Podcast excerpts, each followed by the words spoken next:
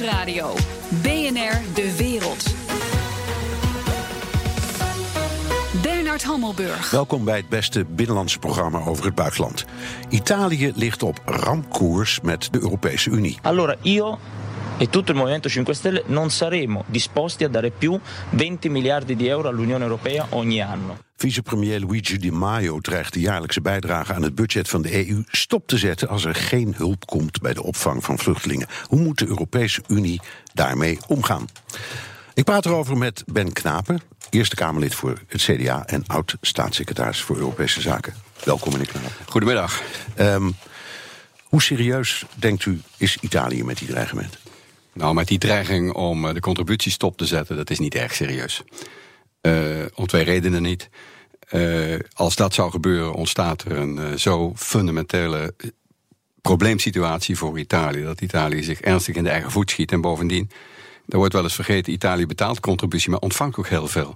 Dus uh, grosso modo. Hoe zit het met netto bruto bij Ja, Italië is, is, speelt ongeveer kiet. Ja. Dus, dus dat wat betaald wordt, komt via een omweg ook weer terug. Ja. Ehm, de, de hardste roeper schreeuwer is uh, Salvini, minister van Binnenlandse Zaken. Heb je dan kans dat hij toch zijn poot stijf houdt? Uh, wat die contributie betreft niet. Dat geloof ik niet. Dat gaat ook gewoon, uh, die, die, betalingen gaan ook gewoon door. Um, als het gaat om het op orde houden van de begroting, binnen de spelregels blijven, is het natuurlijk de vraag wat er gaat gebeuren. Maar dat weten we nu nog niet, omdat uh, de begroting, Italiaanse begroting, die, die, wordt pas, uh, die krijgt pas een lakmoestest eind dit jaar, begin volgend jaar. Dus er is nog alle tijd voor. En tevoren gaan er nog allerlei bellen rinkelen die de Italianen ook nog op andere gedachten kunnen brengen. Ja, dus het kan zijn dat ze zeggen om alle mogelijke andere redenen is het niet in ons belang om met die betaling te stoppen. Uh, dat, maar, ja, maar, goed, het is een psychologisch ja. signaal dan. Uh, een spel, noem het zoals noemen ja. maar het is wel. Ze bedoelen het serieus, ze zijn echt boos. Ze zijn boos. Uh, ze zijn boos, ze spelen ook boosheid. Ik heb begrepen dat intussen wij, Nederland en Duitsland ook mede schuldig zijn aan de instorten van die brug in Genua. Ja, is onze schuld, ja. Dus, dus in die zin wordt er natuurlijk ook een beetje boosheid gespeeld. Um, maar um, uh, kijk, het belangrijkste is eigenlijk dat dit, de Italiaanse regering, dat is een hele bizarre coalitie van populistisch rechts en een soort radicale vernieuwingsbeweging, vijf sterrenbeweging. Die, die coalitie die wil uit het korset breken waar ze al sinds jaar en dag in zitten. En ze willen de kiezer niet tegen zich in het harnas jagen door te zeggen dat dat niet gratis is. Dus wat ze proberen te doen is uh, eigenlijk begroting op te rekken. Ze vragen de Europese Centrale Bank om Italiaanse staatspapieren te kopen. Uh, en dat zijn eigenlijk allemaal inleidende beschietingen op iets wat de komende maanden gaat spelen. En je ziet het nu al een beetje gebeuren. De kosten die de Italiaanse staat moet maken om geld te lenen, die kosten die groeien. Intussen is de spread met zeg maar de, de, extra kosten die Italië moet, moet betalen, is intussen een paar procent. Dus dat zijn miljarden. En dat kan op zichzelf wel een corrigerende werking hebben. Omdat uh, als dat lang doorgaat, dan zijn de Italianen bezig eigenlijk steeds duurder af te zijn. Zonder dat ze één stap verder komen. Maar wat u dus zegt, is er spelen allerlei onderliggende, ik zal maar zeggen, financieel-economische factoren hier een rol. Zeker. En beïnvloeden die dan deze stelling, want deze stelling gaat over vluchtelingen. Het is een, ik zal maar zeggen, een soort noodkreet van de Italianen die in de loop van de jaren al in verschillende vormen is geweest. Soms heel beleefd. Jongens, wij hebben een probleem. Ze komen allemaal bij ons aan land. En nu dan, wij pikken het niet langer. En als je er niet iets aan doet, dan stoppen we met ja. betalen. Maar inhoudelijk gaat het steeds om dezelfde klacht. Nou ja, het gaat om twee klachten. Uh, en die zijn eigenlijk in zekere zin waren die los van elkaar. De ene klacht is dat Italië vindt dat ze te veel in een financieel-economisch keurslijf zitten om de dingen te kunnen doen die ze willen doen. Ze hebben simpelweg last van het feit dat ze lid zijn geworden van de euro. En het tweede is uh, uh, het vluchtelingen- en het immigratieprobleem. Maar ja, daar zitten twee kanten aan. Uh, want natuurlijk zien wij dat die bootjes tot voor kort in Italië aankwamen. Maar we vergeten een beetje wat er daarna gebeurde. Kijk, als je het aantal vluchtelingen en asielzoekers neemt. Deelstaat Noord-Rijn-Westfalen heeft meer asielzoekers en vluchtelingen dan heel Italië. Uh, Berlijn heeft er meer dan heel Griekenland. dat heeft simpelweg te maken met het feit dat heel veel mensen door uit Italië. En de Italianen zijn relatief slordig als het gaat om het registreren van immigranten die binnenkomen. Dat heeft een paar redenen. Dat heeft iets te maken met, met bestuurlijke manier van doen in Italië. Uh, maar het heeft zeker ook te maken met allerlei corruptiepraktijken. Want heel veel illegalen die zie je vervolgens in oktober weer opduiken bij de olijfpluk. Uh, en die worden ingezet, ingezet als, uh, als tijdelijk werknemer, waarna ze weer verder trekken. Dus zonder die ordelijke registratie heel lastig om vast te stellen wie moet nu voor wat uh, wat betalen maar even, en beschikbaar staan. U noemt Berlijn meer dan Griekenland. Ja. Uh, Noord-Rijnland, Westfalen meer dan Italië. Ja. ja? Uh, maar ze zijn niet in Noord-Rijnland-Westfalen of in Berlijn aan land gekomen. Dus die enorme massa, je kunt wel zeggen, de Italianen zijn niet handig in administreren en misschien een beetje corrupt en tucht allemaal niet. Maar het is ook wel overweldigend en massaal. En daarover hebben ze in de loop van de jaren ook al vele malen aan de bel getrokken. Jongens, wij kunnen dit niet aan. We kunnen het ook niet registreren, zelfs als we perfect zouden zijn. Ja, nou kijk, uh, het, even los van die enorme aantallen in 2015 zijn de aantallen die daarna gekomen zijn. Niet van die aard dat je dat met een land dat meer dan 50 miljoen inwoners telt, niet tot op grote hoogte ordelijk kunt registreren. In ieder geval kunt vaststellen, deze mensen zijn hier aan land gekomen. En hier moeten wij een procedure mee beginnen. Want pas dan kun je met andere lidstaten gaan spreken over een verdeling. Uh, zolang je ze niet geregistreerd hebt, valt er eigenlijk niets te verdelen. En dan krijg je die ongewilde effecten dat bijvoorbeeld Frankrijk bij Ventimiglia bij de Italiaans-Franse grens, bij de, de Côte d'Azur, in de praktijk eigenlijk grenzen gaat sluiten, omdat er heel veel niet geregistreerde immigranten van een rijk inkomen. Uh, dus zeker, uh, Italië heeft alle reden om te zeggen wij moeten geholpen worden. Maar Italië heeft zelf ook verdraaid weinig gedaan als het gaat om het begin van het proces om hier enige orde in te brengen. Oké, dat alles is bekend in Brussel. Als u het weet, dan weten alle leiders die daar bij elkaar komen dat ook precies. Is het niet zo dat wij, zij, uh, hoe je het maar wil noemen, Brussel, um, de Italianen niet echt uh, op de momenten waarop het telde ook nu weer tegemoet komt. En zegt: Kom op, uh, we gaan erover praten, we begrijpen het wel, we gaan het wel oplossen. In plaats van een verstarring die je dan meteen aan weerskanten ziet. Nou ja, het, het, kijk, als het om twee uh, partijen ging, dan zou je nog kunnen zeggen: er is een verstarring aan weerskanten. Maar het, het immigratievraagstuk uh, is, uh, een van de, is het vraagstuk wat de Europeanen het meest verdeelt. zodra er in Spanje een wat linkse regering komt, zie je de bootjes vanuit Italië, waar een wat rechtse regering zit, naar Spanje gaan. Als straks de Spanjaarden naar de stembus gaan en ze kiezen een rechtse regering, gaan bootjes weer ergens anders heen. men heeft in juni afgesproken, we gaan opvangcentra inrichten. het eerste land wat bereid is dit te doen, moet zijn vinger nog opsteken.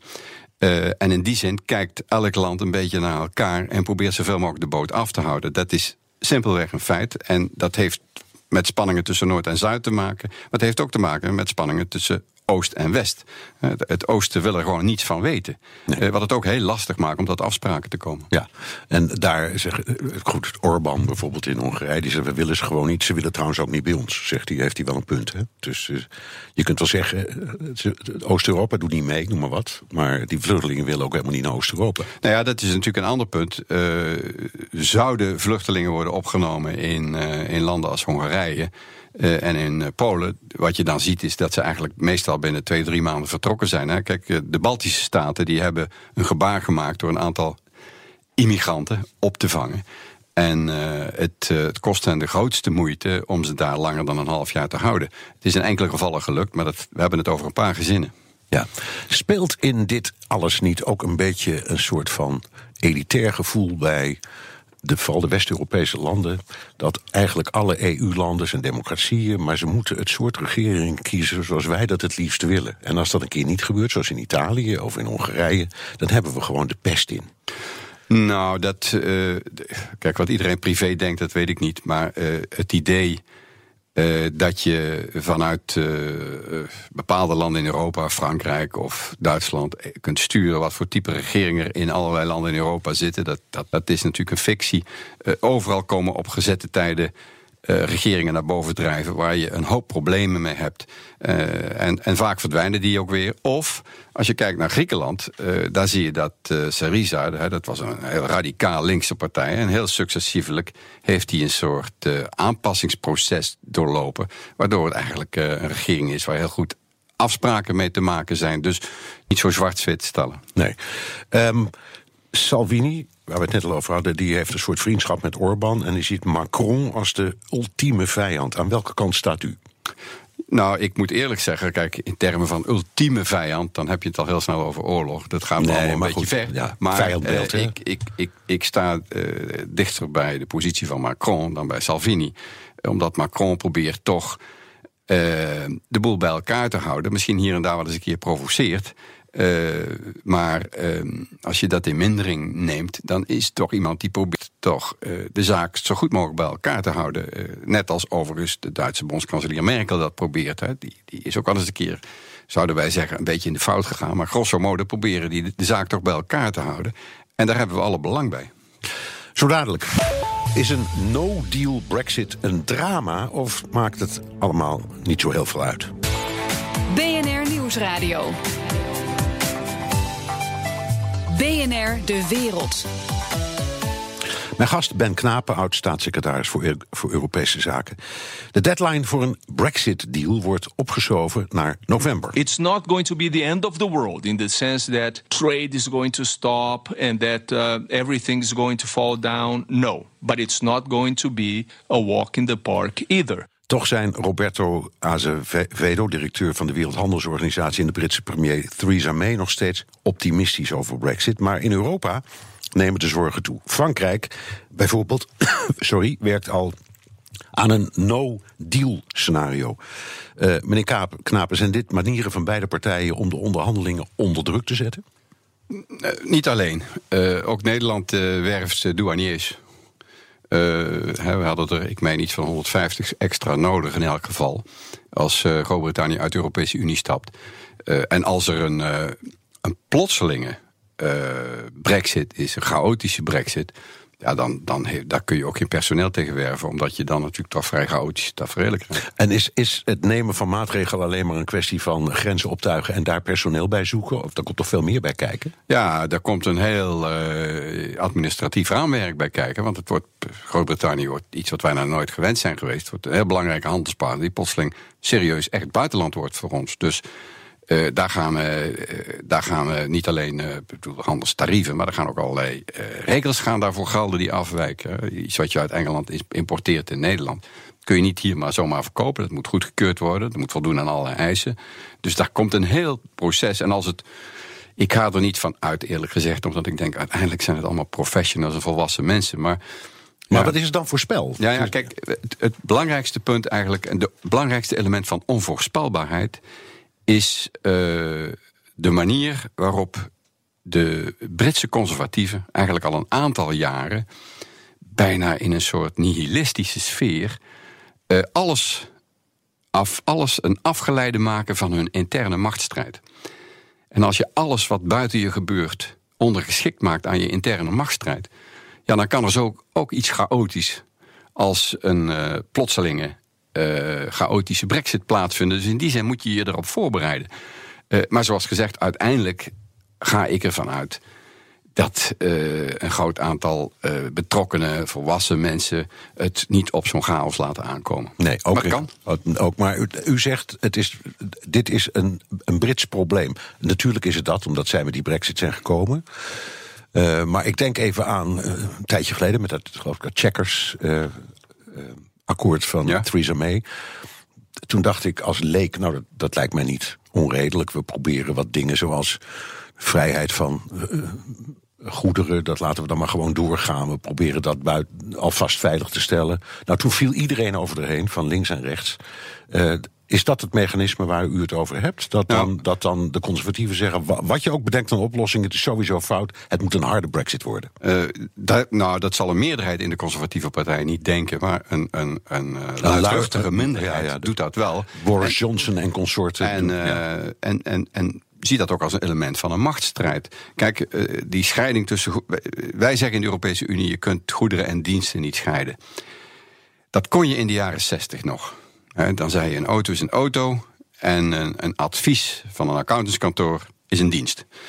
Ja, dat kun je eigenlijk niet meer doen. Tegenwoordig lopen diensten en goederen zo door elkaar heen. Eh, software van een computer, is dat een dienst of een goed? Eh, Volgens de accountant schrijf je het af in drie jaar, dus is het een goed. Maar zodra jij een servicecontract sluit, wordt het een dienst. En dat geldt voor zoveel producten die verweven zijn met diensten, dat het idee dat je netjes industriële goederen scheidt van wat dan heet moderne diensten, dat is eigenlijk een fictie geworden. Dus, dus uh, de critici hadden gelijk in dit geval. Ja, dit, is niet uitvoerbaar. Dit, dit, is niet uitvoerbaar. Als er nou geen deal komt, zegt iedereen, dan gaan we terug naar de, de regels van de Wereldhandelsorganisatie. Hoe zit dat precies en is dat eigenlijk erg? Ja, dat is erg, want als je terug zou gaan naar de basale regels van de Wereldhandelsorganisatie, je zou dat van de ene op de andere dag doen, uh, dan krijg je een complete chaos aan de grenzen. Dan moet elk product moet gekeurd worden. Elk product moet een licentie verwerven. Elke licentie moet goedgekeurd zijn. Daar kunnen concurrenten voor naar de rechter stappen. En je kunt wel zeggen, we laten bijvoorbeeld British Airways gewoon vliegen van Amsterdam naar Wenen. Maar KLM en Lufthansa zullen de dag daarna naar de rechter stappen en zeggen: hé, hey, hey, dat is uh, oneerlijke concurrentie, want zij zijn van buiten de Europese Unie. Dus die routes zijn voor ons. Uh, Europa, dat is het grote misverstand bij de Britten. De Britten denken nog steeds dat Europa een soort Europese Unie, een soort land is waar je mee kunt dealen en wielen. Maar de Europese Unie als land bestaat niet. Dat is gewoon een vlechtwerk van regels. En soevereine, soevereine staten ook nog, want ze hebben ook nog hun eigen regels en luchtvaartregels. Zeker. zeker. Um, nu is uh, Groot-Brittannië heel groot, is groot het vijfde handelsmacht ter wereld, uh, economie ter wereld, zesde misschien. Zesde, ja. ja. Vijfde, zesde. Ja, uh, is veel afhankelijker van de handel met Europa dan andersom. U zegt het is een interne machtsstrijd, maar ook met die mensen die zo fanatiek aan die Brexit vasthouden, die weten dat toch? Ja, ik denk dat er een paar mechanismen aan de gang zijn in Groot-Brittannië. Uh, daar is één relatief cynische variant van degene die graag binnen de Europese Unie willen blijven. En die speculeren op het feit dat als er een grote chaos ontstaat, dat het publiek tot één keer komt en zegt dit was een slecht idee. Ik vind dat persoonlijk onverantwoord om zo te redeneren, maar dat zie je en dat hoor je en dat lees je. en het tweede is, dat zijn de, de, de echte diehard Brexiteers die, uh, ja, die deze chaos als instrument gebruiken in een poging de macht te. Ja, dat, dat, dat zei u. Maar mijn vraag was eigenlijk ook die mensen die kunnen rekenen en die kunnen naar cijfers kijken en die weten hoe de handelsverhoudingen liggen. Ja, maar en die 27 andere landen, dat zijn dan wel individuele landen, maar het is bij elkaar toch een gigantisch handelsblok voor de Britten. Maar ja, dat wist men destijds toen men bepleiten om eruit te stappen ook. Dat de, handel, dat de onderhandelingspositie van Groot-Brittannië in vergelijking met de Europese Unie een hele zwakke zou zijn. Dat wist men. Uh, want Groot-Brittannië is aanzienlijk afhankelijker van de Europese Unie dan omgekeerd. Desalniettemin uh, is een aantal mensen toch, heeft zich sterk gemaakt om eruit te stappen. En uh, dat, dat geeft aan dat het niet alleen een rationele overweging is die een rol heeft gespeeld. Nee. U zegt het is eigenlijk een, een strijd tussen conservatieven en wat minder conservatieven binnen de conservatieve beweging. We praten ja. nog niet eens over de Labour-oppositie, want ook die snap ik niet helemaal. Maar goed. Ja. Um, ook wij spelen een rol. We hebben een onderhandeling, Barnier. Wat is nou wijsheid? Want die man zwijgt heel veel. Heeft hij daar eigenlijk gelijk in? Denkt hij steeds, laat die Britten het eerst maar onder elkaar uitknokken? Of moet, er, of moet hij wel degelijk ingrijpen en zeggen: nu kom ik met uh, mijn eigen eisen en veel duidelijker en veel harder en met veel meer lawaai? Um, ik denk dat uh, Barnier het, het eigenlijk buitengewoon verstandig doet. Het belangrijkste voor hem is dat de 27 achterblijvende Europese lidstaten verenigd blijven in hun positie ten opzichte van Groot-Brittannië.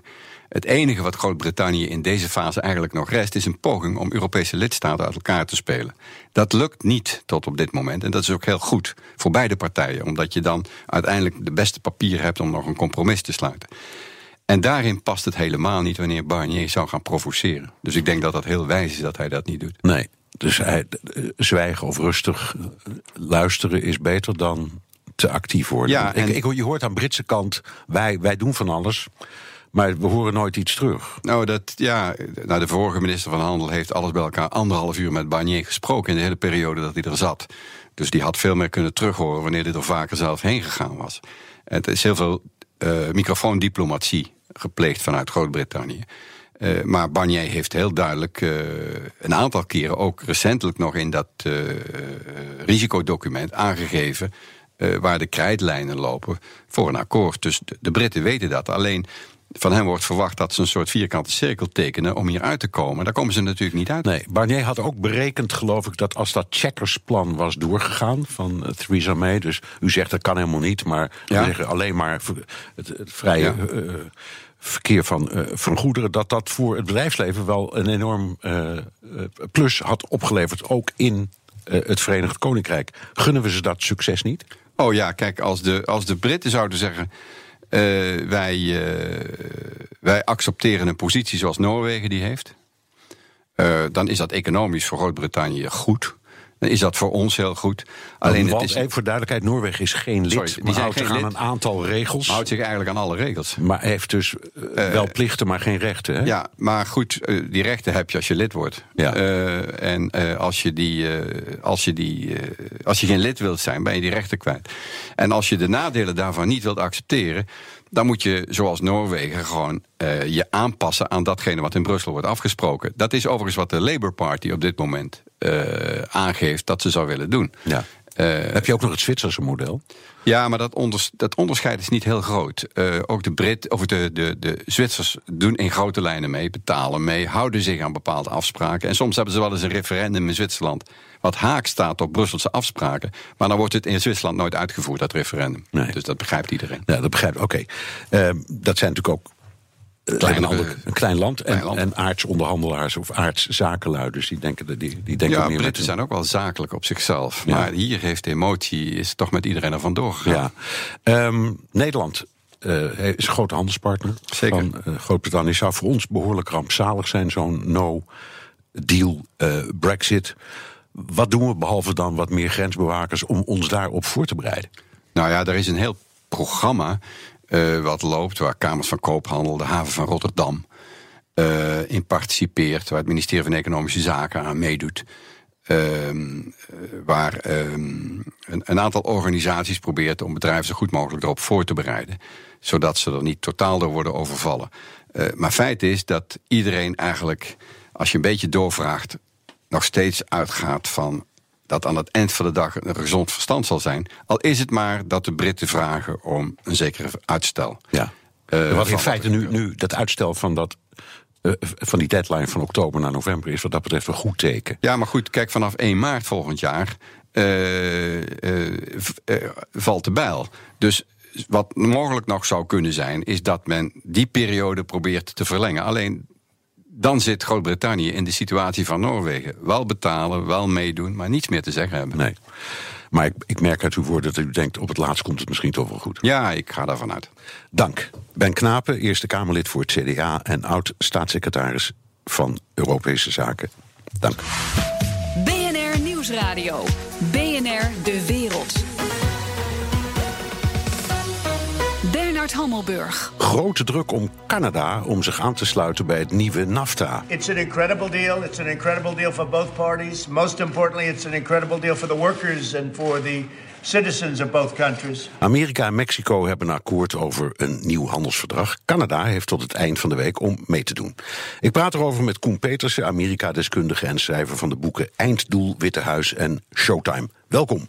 Goedemiddag. Ehm, allereerst dat nieuwe akkoord. Is dat wel een akkoord? Ik heb het zitten lezen en volgens mij is het alleen maar de aanzet tot een akkoord. En bovendien, het oude NAFTA bestaat gewoon nog, toch?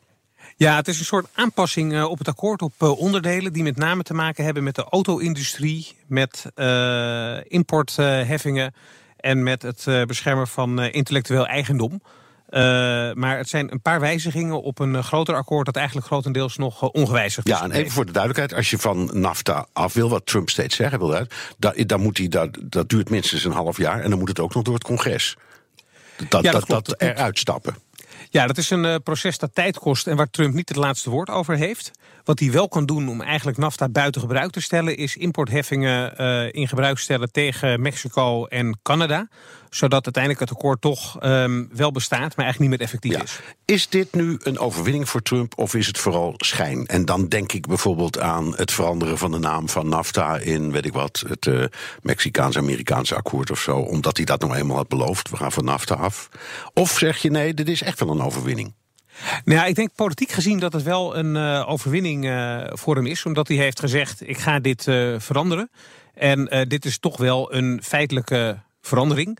Wat het vooral heel spannend maakt, is de vraag of Canada uiterlijk vrijdag nog instapt in het, uh, in het akkoord. Ja. Trump heeft uh, gezegd: ik ga Canada wel meesleuren en anders niet. En Canada heeft zich een beetje afzijdig gehouden, maar is nu toch in een soort eindsprint aan het proberen in het akkoord mee te gaan. En als hem dat lukt, dan is al zijn uh, ge, ge, ge, uh, ja, hoe zeg je dat op een goede manier? Nou, dan heeft, hij, ehm, dan heeft hij zijn belofte aan de kiezer. Zo'n getoeter ja, op dit vlak heeft hij ingelost. Ja. En dan ja, laat hij toch zijn critici en, en even, in de achteruitkijkspiegel. Even voordat we over Canada doorgaan. Maar is het dan inhoudelijk echt nou zoveel anders?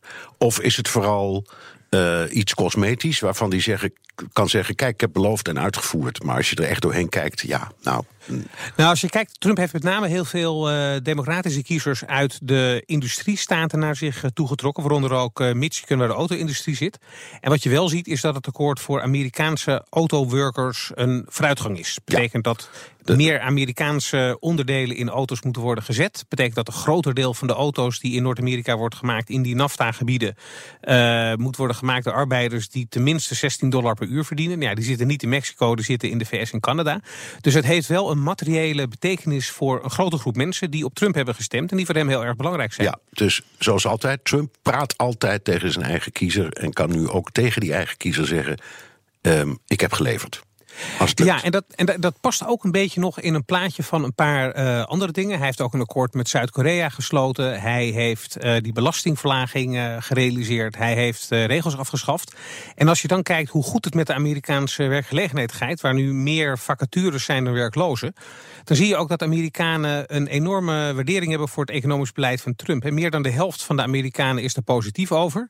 En 30% van democraten is er ook positief over. En dat laat wel zien dat het politieke effect van zijn beleid, uh, op economisch gebied tenminste, niet alleen bij de Republikeinen tot applaus leidt, maar ook bij een op die Democraten. En dat is best wel heel bijzonder, gelet op de polariserende figuur die Trump is. Ja, en is, um, ja, en, uh, is het niet zo dat uh, die banengroei en de economische groei vooral te danken is aan het bedrijfsleven en dat het eigenlijk niet zo heel veel te maken heeft met wie er in het Witte Huis zit? Ja, Trump heeft wel voor het bedrijfsleven het uh, zaken doen makkelijker gemaakt. En uh, door regels af te schaffen kunnen bedrijven meer uh, activiteiten ontplooien en hebben ze minder papierwerk om te verzetten. Op het moment dat de vennootschapsbelasting in de Verenigde Staten serieus omlaag gaat, dan zie je dus ook dat bedrijven meer winsten overhouden om in personeel te investeren. Dus je ziet wel dat Trump ook zaken doet om die werkgelegenheid te stimuleren. En een half jaar geleden dacht de meerderheid van de Amerikanen nog dat de economische groei aan Obama te danken was. Inmiddels denkt meer dan de helft van de Amerikanen dat het aan Trump uh, ligt. Het is heel lastig om te zien wie er gelijk heeft. Maar wat voor Trump nou ja, vooral mijn, politiek mijn, belangrijk is, is wie het, uh, hoe het wordt uh, ja, bezien. Mijn, mijn vraag was eigenlijk meer, misschien hebben ze geen van beiden gelijk. Mensen iets zeggen, maar is het gewoon het bedrijfsleven dat het goed doet. Dat kan inderdaad. Ondanks ja. wie er aan de troer zit in het Witte Huis en niet dankzij, dat bedoel ik eigenlijk. Ja, en dat klopt. Kijk, Trump, Trump zit niet in de boardroom van de grote bedrijven. Dus die beslissingen, die, uh, daar zorgt hij niet voor. Hij zorgt wel voor een, voor een klimaat wat ondernemersvriendelijker overkomt. Maar aan het eind van dit zijn het de bedrijven die de beslissingen nemen... en niet het Witte Huis. Nee. Dat uh, klopt nou, even, even naar Canada. Ik onderbrak je daar als het ware. Canada zit dus in een, een rare positie. Trump komt op maandag met uh, de mededeling dat hij een akkoord heeft bereikt met Mexico. En zegt dan tegen Canada, tegen premier Trudeau. Um, je hebt tot vrijdag om uh, bij het kruisje te tekenen en anders zoek je het maar uit. Uh, dat vind ik wel heel cru voor de toon, ook inhoudelijk tegen je beste bondgenoot en je grootste handelspartner. Ja, dat, uh, dat klopt. het zijn inderdaad belangrijke handelspartners van elkaar. Canada is naar China de grootste exportmarkt voor de Verenigde Staten. En voor Canada geldt dat 75% van de export naar de Verenigde Staten gaat. Je ziet dat daar enorme intensiteit van handelbedrijven is. Um, maar de betrekkingen tussen Canada en Verenigde Staten zijn wel verhard sinds Trump in het Witte Huis zit. En je ziet ook dat uiteindelijk Canada zich ook wel realiseert dat ze niet buiten dat verdrag willen blijven. Dus de minister van Buitenlandse Zaken heeft andere reisplannen afgezegd ja, die en is naar zo, Washington Ja, ze, ze is kop vanuit Brussel geloof ik naar Washington gereisd. Ja, ja, dat klopt. En Trudeau, de Canadese premier is druk aan het bellen met, uh, met Trump. Dus de signalen zijn wel dat Canada toch heel erg uh, zijn best gaat doen om voor 1 september in dat akkoord uh, mee te stappen. En dat zou, als dat lukt, wel een enorme overwinning zijn, politieke overwinning voor Trump. Die heel erg blaat dat hij zo goed onderhandelt. Maar hier ook wel laat zien dat hij daar bepaalde ja, dingen maar, kan bereiken maar, wat niet was. Um, maar het is, het is, opnieuw weer met het pistool op de borst bijna hè, tegen, tegen, tegen, tegen Trudeau. Ik, ik, nou, nou, ik, ik denk als, als Merkel dat zou doen tegen Macron, dan zou je zeggen dat kan niet. Zo gaan we niet met elkaar om als grootste bondgenoten. Maar hij trekt ze daar helemaal niks van aan.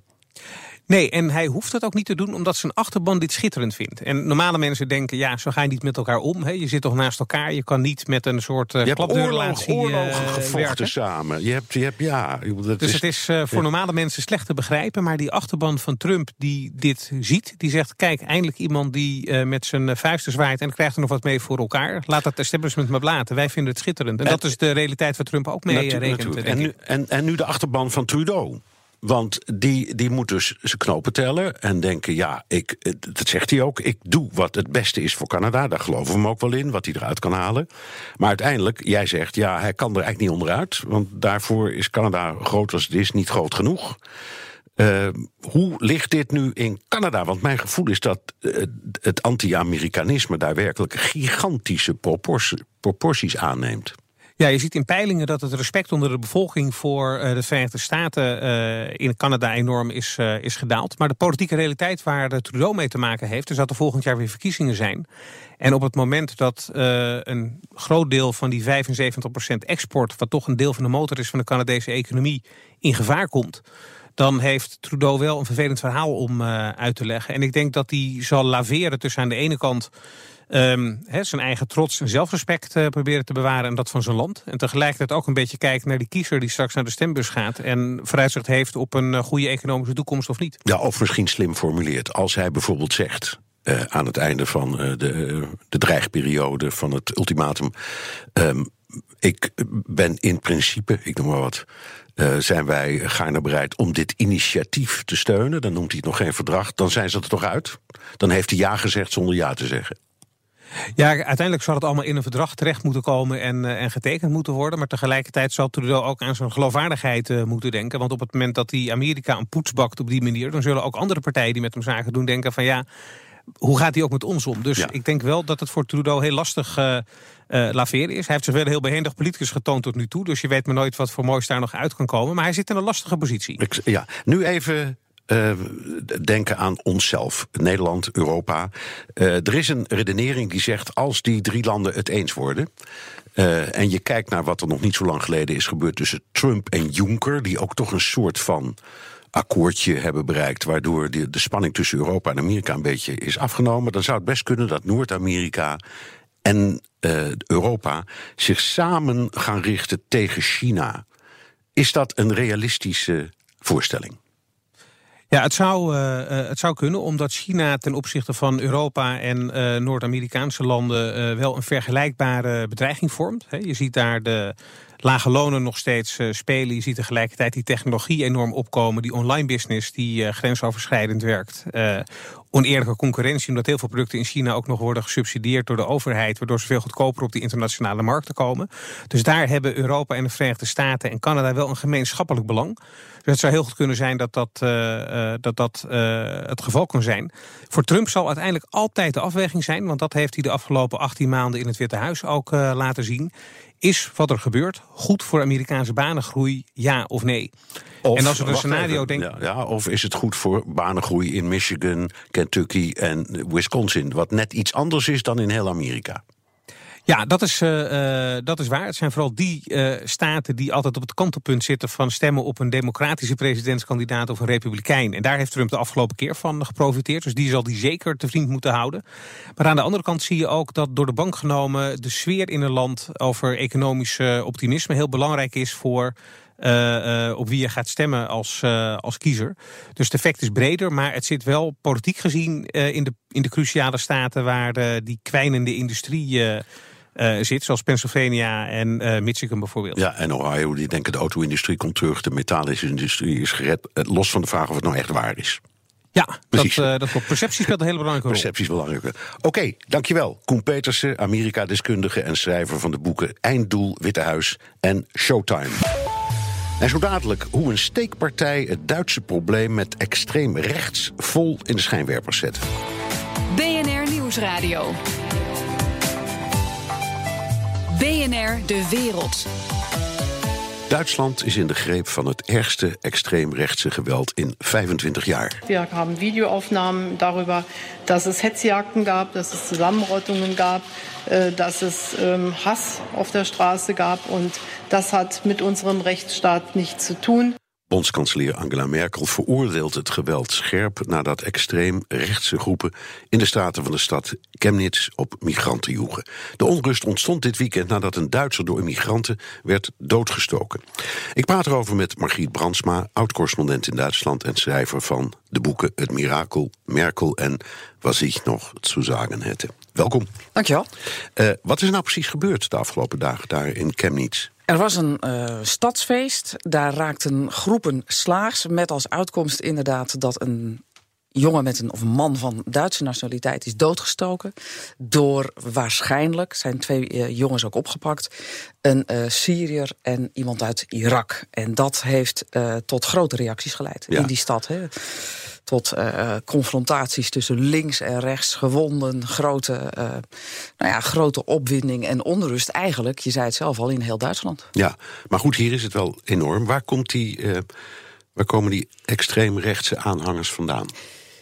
Het oosten van Duitsland heeft, en met name ook wel de deelstaat Sachsen, waar dit is gebeurd, maar niet, niet, niet uh, alleen, het speelt ook wel in andere Oost-Duitse deelstaten, die hebben al veel langer een, een probleem met extreem rechts.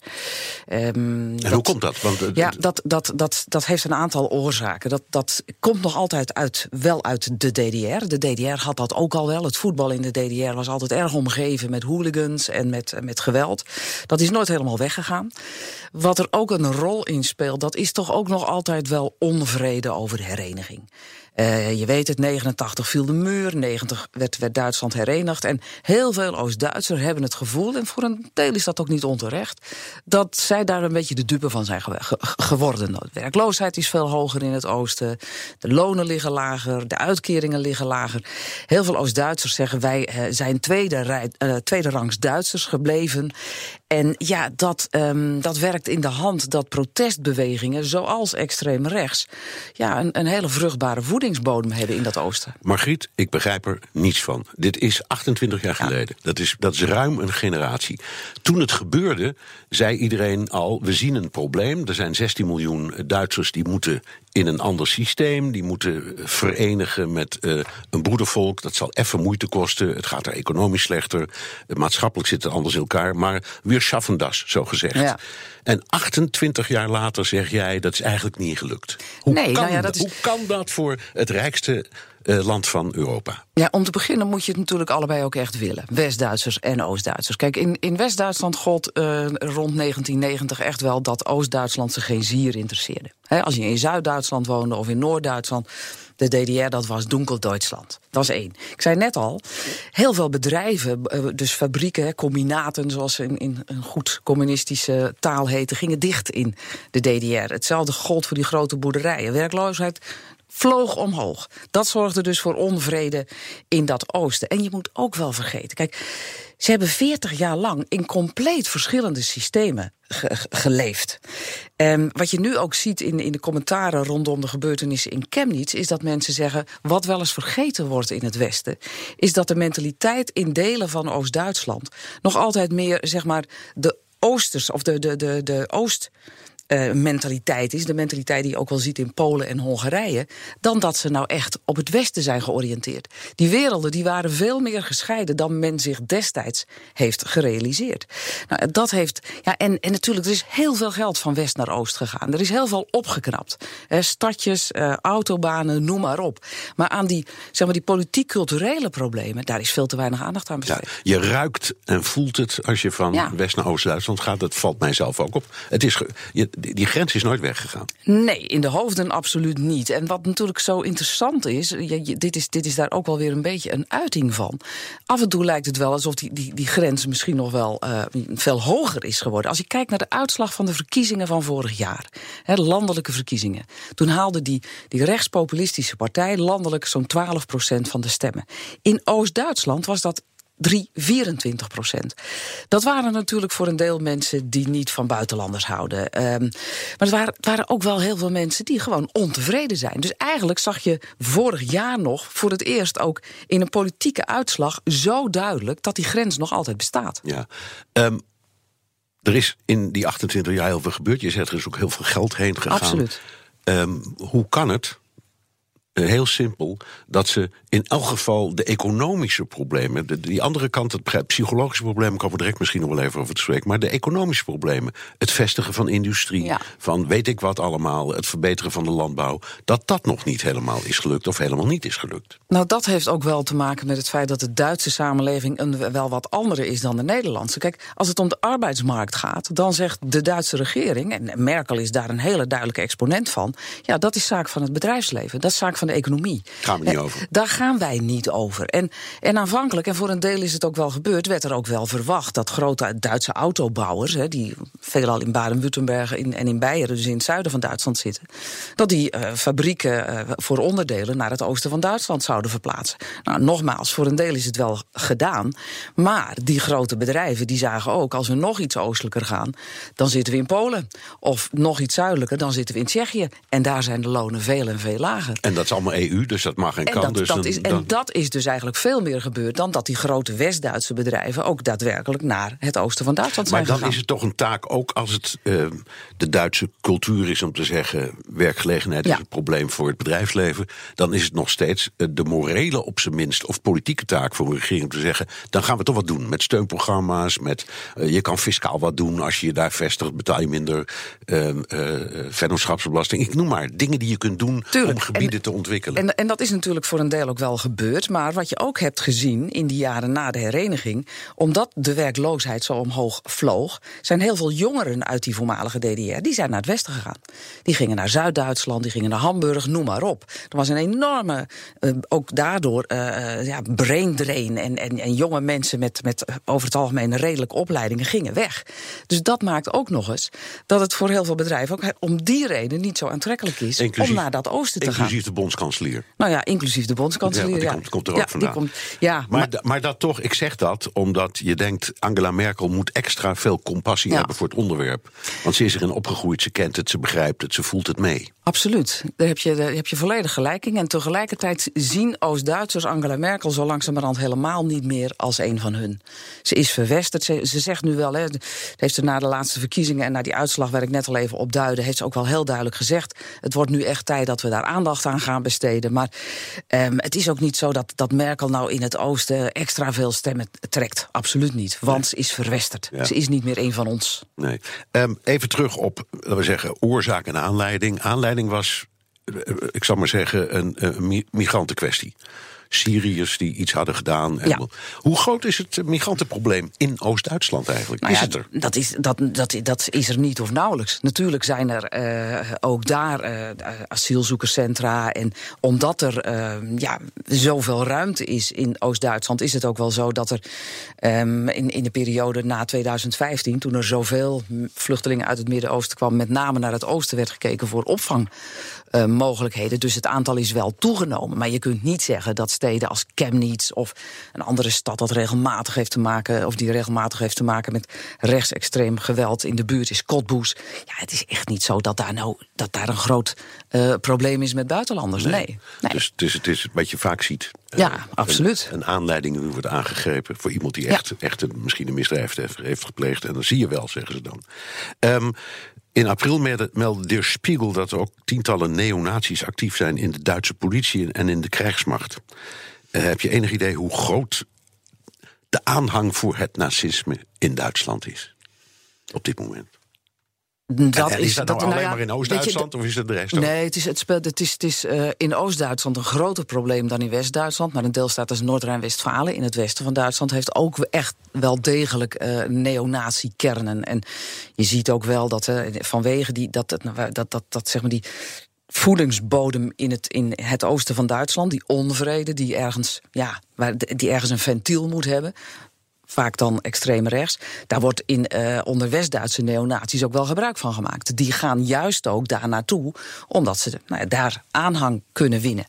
Ja, hoe groot het probleem is, als je nu naar Chemnitz kijkt, dan denk je heel groot. Over het algemeen zijn die groeperingen niet zo heel erg groot. Je, hebt er, je hebt er heel veel. Je hebt uh, Chaotic, Chemnitz, je hebt er, nou ja, weet ik hoeveel. Maar die zijn vaak het gaat om aan tientallen. Dus de SPD had een punt toen ze het een beetje bagatelliseerden ja, allemaal. Alleen waar ze wel ongelooflijk handig in zijn. En nu ook steeds meer met een steun van de politieke partij die in de Bondsdag zit, namelijk de AFD, dat ze in staat zijn om massa's te mobiliseren. En dat is natuurlijk ook in Chemnitz gebeurd. Ja, er zijn uh, binnenkort oktober verkiezingen in Beieren. Uh, is dat een belangrijk moment. Gaat dat iets vertellen over hoe die hele sfeer is? Of is dat alleen maar een referendum over Merkel? Wat ook heel vaak is bij Duitse ja. deelstaatverkiezingen. Nou, dat, dat was tot uh, zeg maar, uh, het afgelopen weekend vooral een referendum over Merkel. En, en over haar vluchtelingenpolitiek. En heel belangrijk ook voor het voortbestaan van haar regering. Maar door de gebeurtenissen in Chemnitz krijgt het een heel andere lading toch ook wel. Een van de grote partijen, ook in Beieren, is die alternatieve voor Duitsland. Hè. Zou wel eens de tweede partij kunnen worden in Beieren. En dat, ja, wat je, wat je nu ook ziet, is dat die, dat die partij aan de ene kant probeert. Uh, nou ja, uh, uh, afstand. Hè, wat je ziet in de top van die partij wordt gezegd van dit veroordelen we. Maar Duitsers mogen nooit door buitenlanders uh, doodgestoken. Wij, wij, zijn geen snijvlees, letterlijke tekst van een AFD'er voor buitenlanders. Zo. Um, daar wordt daar afstand van Dus tegelijkertijd wordt er, wordt er ook gebruik van gemaakt. En dat speelt allemaal wel weer een, een grotere rol vanwege die verkiezingen dadelijk in Beieren. Ja, nou ja, heel veel mensen zeggen. Uh, dat soort groeperingen zijn al blij als ze deel uit gaan maken van het officiële debat, nou, dan hebben ze al bereikt wat ze willen. Ja, en wat je nu dus ook ziet, is dat dit, dit, soort kameraadschaften, hè, zo heten ze, en al die, die, die neonatiegroeperingen, ja, die zien in de AFD natuurlijk wel een legitimering. Die geeft ze wel een duwtje in de rug, want dat is wel een partij die in de Bondsdag zit en die in heel veel gemeenteraadsbesturen, in heel veel besturen van deelstaten zit. Dus in die zin is het ook wel waarom Duitsland nu een beetje in rep en roer is. Dankjewel, Margriet Brandsma, oud-correspondent in Duitsland en schrijver van de boeken Het Mirakel Merkel en was ik nog te zeggen hätte. En tot zover BNR De Wereld. U kunt de uitzending terugluisteren via podcast of de BNR-app. Tot volgende week.